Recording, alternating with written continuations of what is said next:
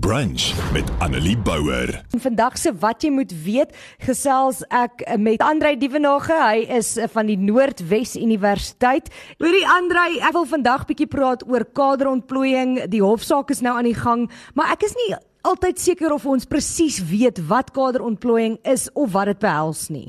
Kom kom ons begin deur te sê en ek wil by die basiese lyn begin. Politiek gaan oor mag. Ja. En mag word uitgeoefen deur mense. Nou het ons 'n verkiesing, nou wen 'n politieke party. Nou gaan 'n politieke party en hy ontplooi sy mense, sy kaders in belangrike posisies. Maar hy kan dit nie net sonder meer doen nie. Daar's reëls en regulasies, daar's grondwette en daar's wette en sulke tipe goed.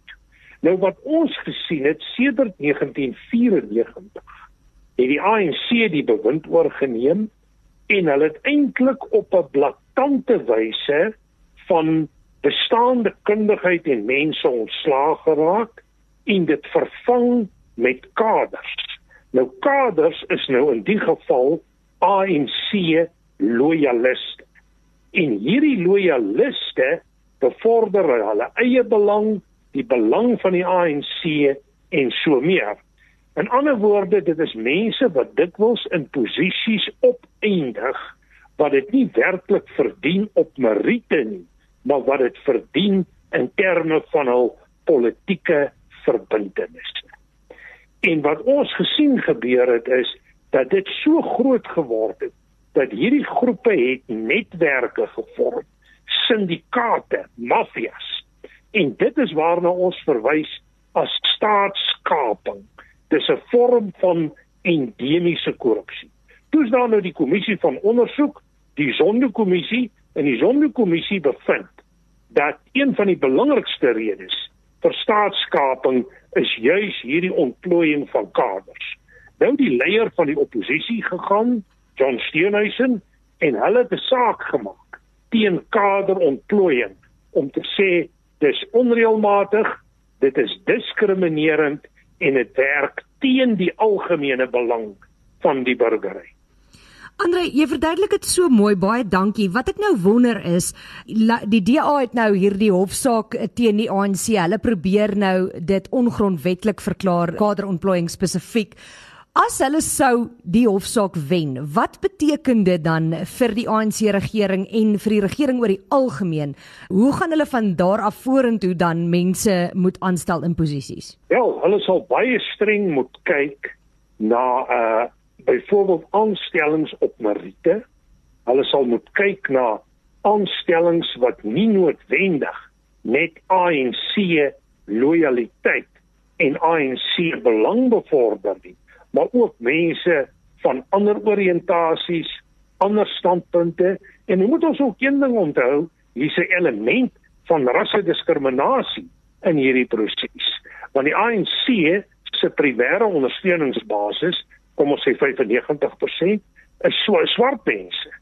En ja. dit is dus swart mense wat ontplooi word en dit is heel dikwels ten koste van minderheidsgroepe soos bruin mense, indiërs en wit mense. So die druk gaan dan op die ANC wees om meer van die minderheidsgroepe aan te stel ten einde verteenwoordigende profile te kry. Maar ek moet sê die as die besluit nou so loop, gaan dit ook baie sleg wees vir die ANC se beeld, want die ANC as 'n party is 'n party wat hom graag opgee vir nie rassig nie seksisties en demokraties.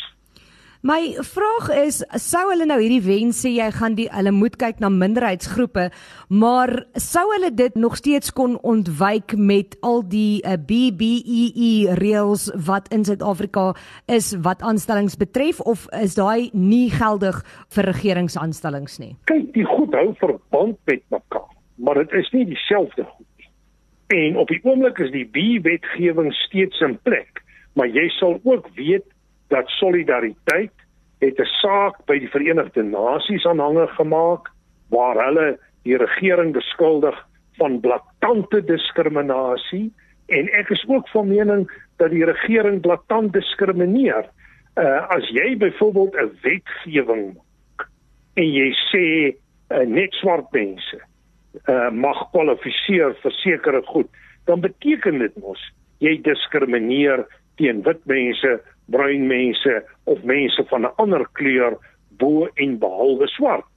En sover my kennis strek, het die VN die ANC vir die die solidariteitsbeweging gelyk gegee en daar word op die oomblik 'n gesprek opgestel tussen die regering en die solidariteitsbeweging om hierdie proses te bemiddel. Maar my oortuiging is dat die regering wel diskriminerend optree, dat daar gediskrimineer word teen minderheidsgroepe. Die regering se argument is natuurlik dat daar vir baie dekades was daar apartheid wat wit mense bevoordeel het en nou het hulle die reg om swart mense te bevoordeel as teenvoeter.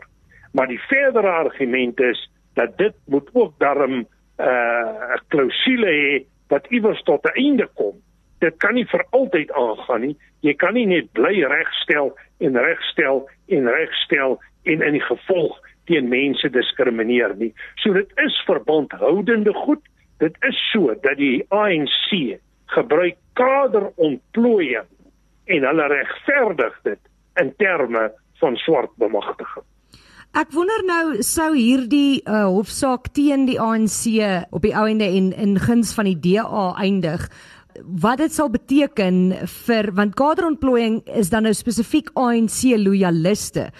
Hulle sou wel nog steeds mense van ander partye of wat ook al kon aanstel o, en nog steeds die groter groepe bevoordeel, is ek reg? Ja, ek dink dit gaan baie moeilik wees om die proses stop te sit, maar ten minste gaan jy daarom 'n wetlike grond hê waarop jy jou saak kan verdedig.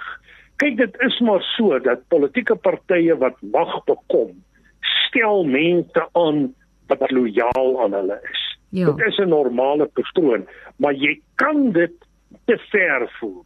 En ek het geen twyfel dat ons in Suid-Afrika dit te ver gevoer het nie. En die implikasies daarvan is verrykend.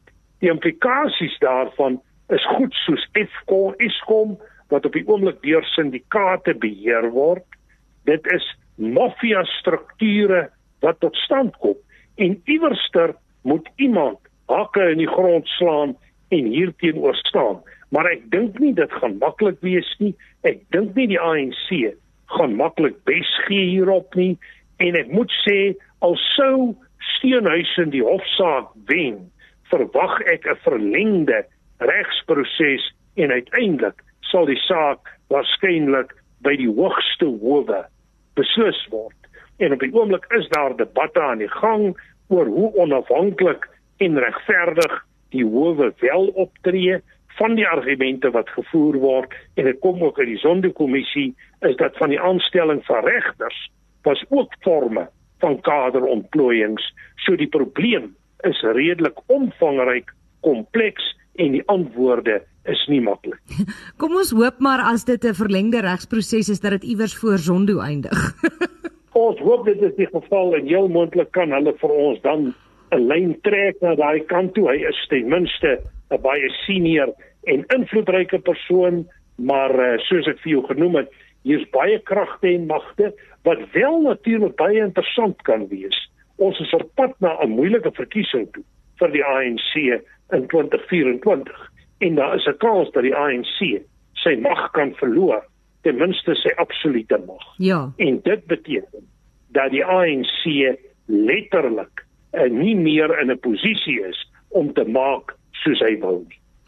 Wel ons hoop dit um, gaan die uiteinde daarvan wees en ek dink dit sal ek dink in elk geval geen party dis net my persoonlike opinie moet so 'n groot mag hê nie. Hulle sê mos uh, with great power comes great responsibility net ongelukkig kan mense nooit daai verantwoordelikheid dra nie. Absoluut so die bekende gesegde van die Britse politikus en filosoof Lord Acton Hy het by geleentheid gesê power tends to corrupt and absolute power tends to corrupt absolutely.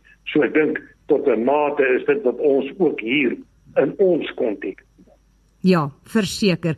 Hoorie, verskriklik baie dankie vir jou tyd. Ek waardeer dit ongelooflik baie. Dankie dat jy dit so mooi en maklik verduidelik en uh, ons gaan daai hofsaak dophou en kyk wat daar gebeur. Baie dankie. Annelie Bouwer. Weekoggend tussen 9 en 12 op Groot FM 90.5.